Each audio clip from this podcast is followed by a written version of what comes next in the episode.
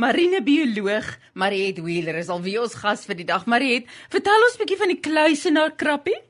Die kluisenaar krappie, of baie mense sal dit op die Engelse naam ken, die hermit crab, is wanneer jy kyk na rotspoeltjies en jy sien 'n skulp beweeg. Nou skulpe, slakkies kan op hulle eie beweeg, maar gewoonlik jou kluisenaar krappie beweeg bietjie vinniger as wat net die slakke sal beweeg.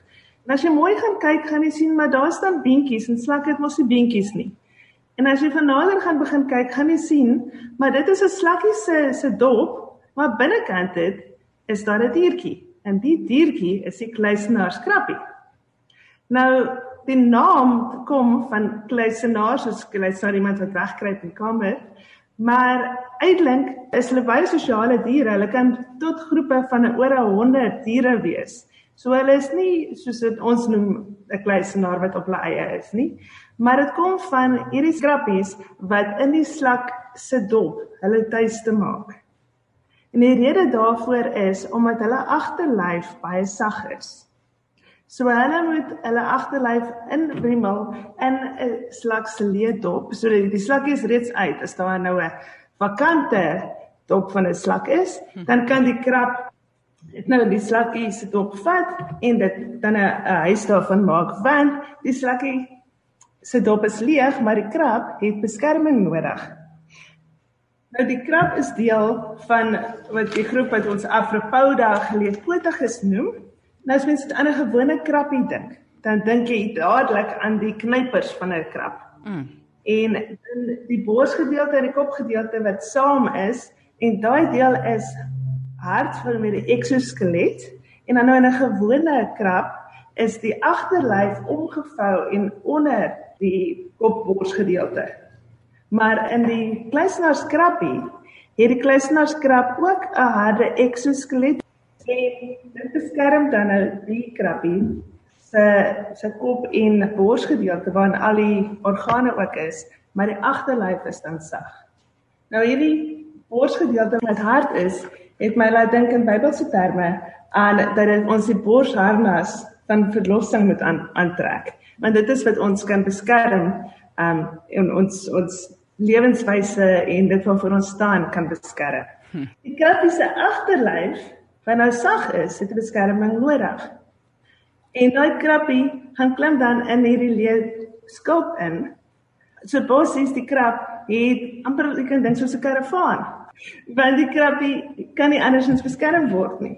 En dit het my laat dink aan Psalm 18 vers 3 wat sê die Here is my rots, my skuilplek en my redder, my God, my rots by wie ek skuil, my skild en sterk verlosser, my veilige vesting. Ah, oh, stunning. En hulle het twee antennes, so hulle sensories kan hulle nog hulle is bewus van wat om hulle aangaan want die eerste paar basies voel hulle wat in die omgewing rondom hulle aangaan en die tweede paar ruik en proe hulle wat gaan rondom hulle aan.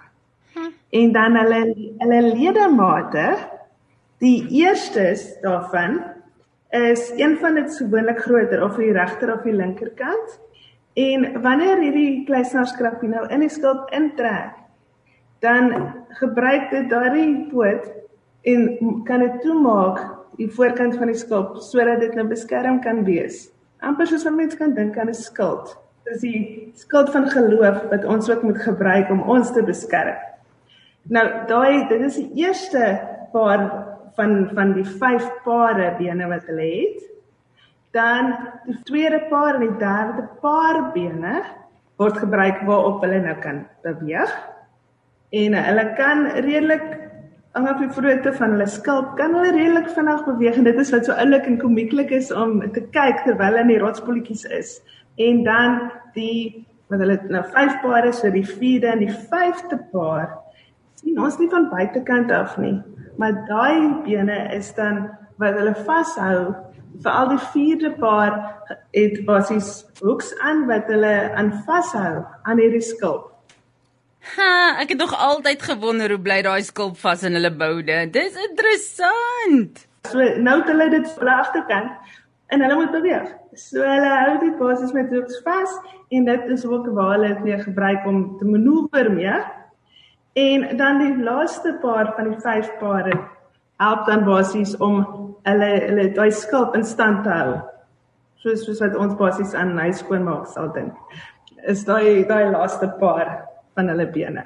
Wow. Sjoe, en ek nog altyd gedink hopeloos te veel pote en toe het hulle almal 'n werkie. Ja, alles in die skepping het 'n spesifieke doel.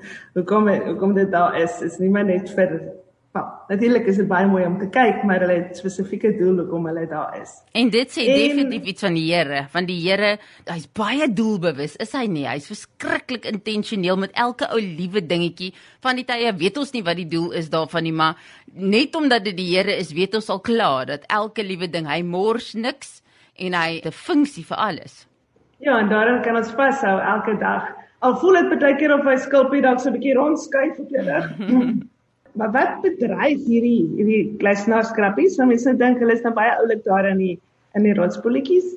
Wel hulle word geëet deur sekere spesies haie en visse en inkvisse en selfs seekatte kan hierdie kluisenaarskrappies kom eet.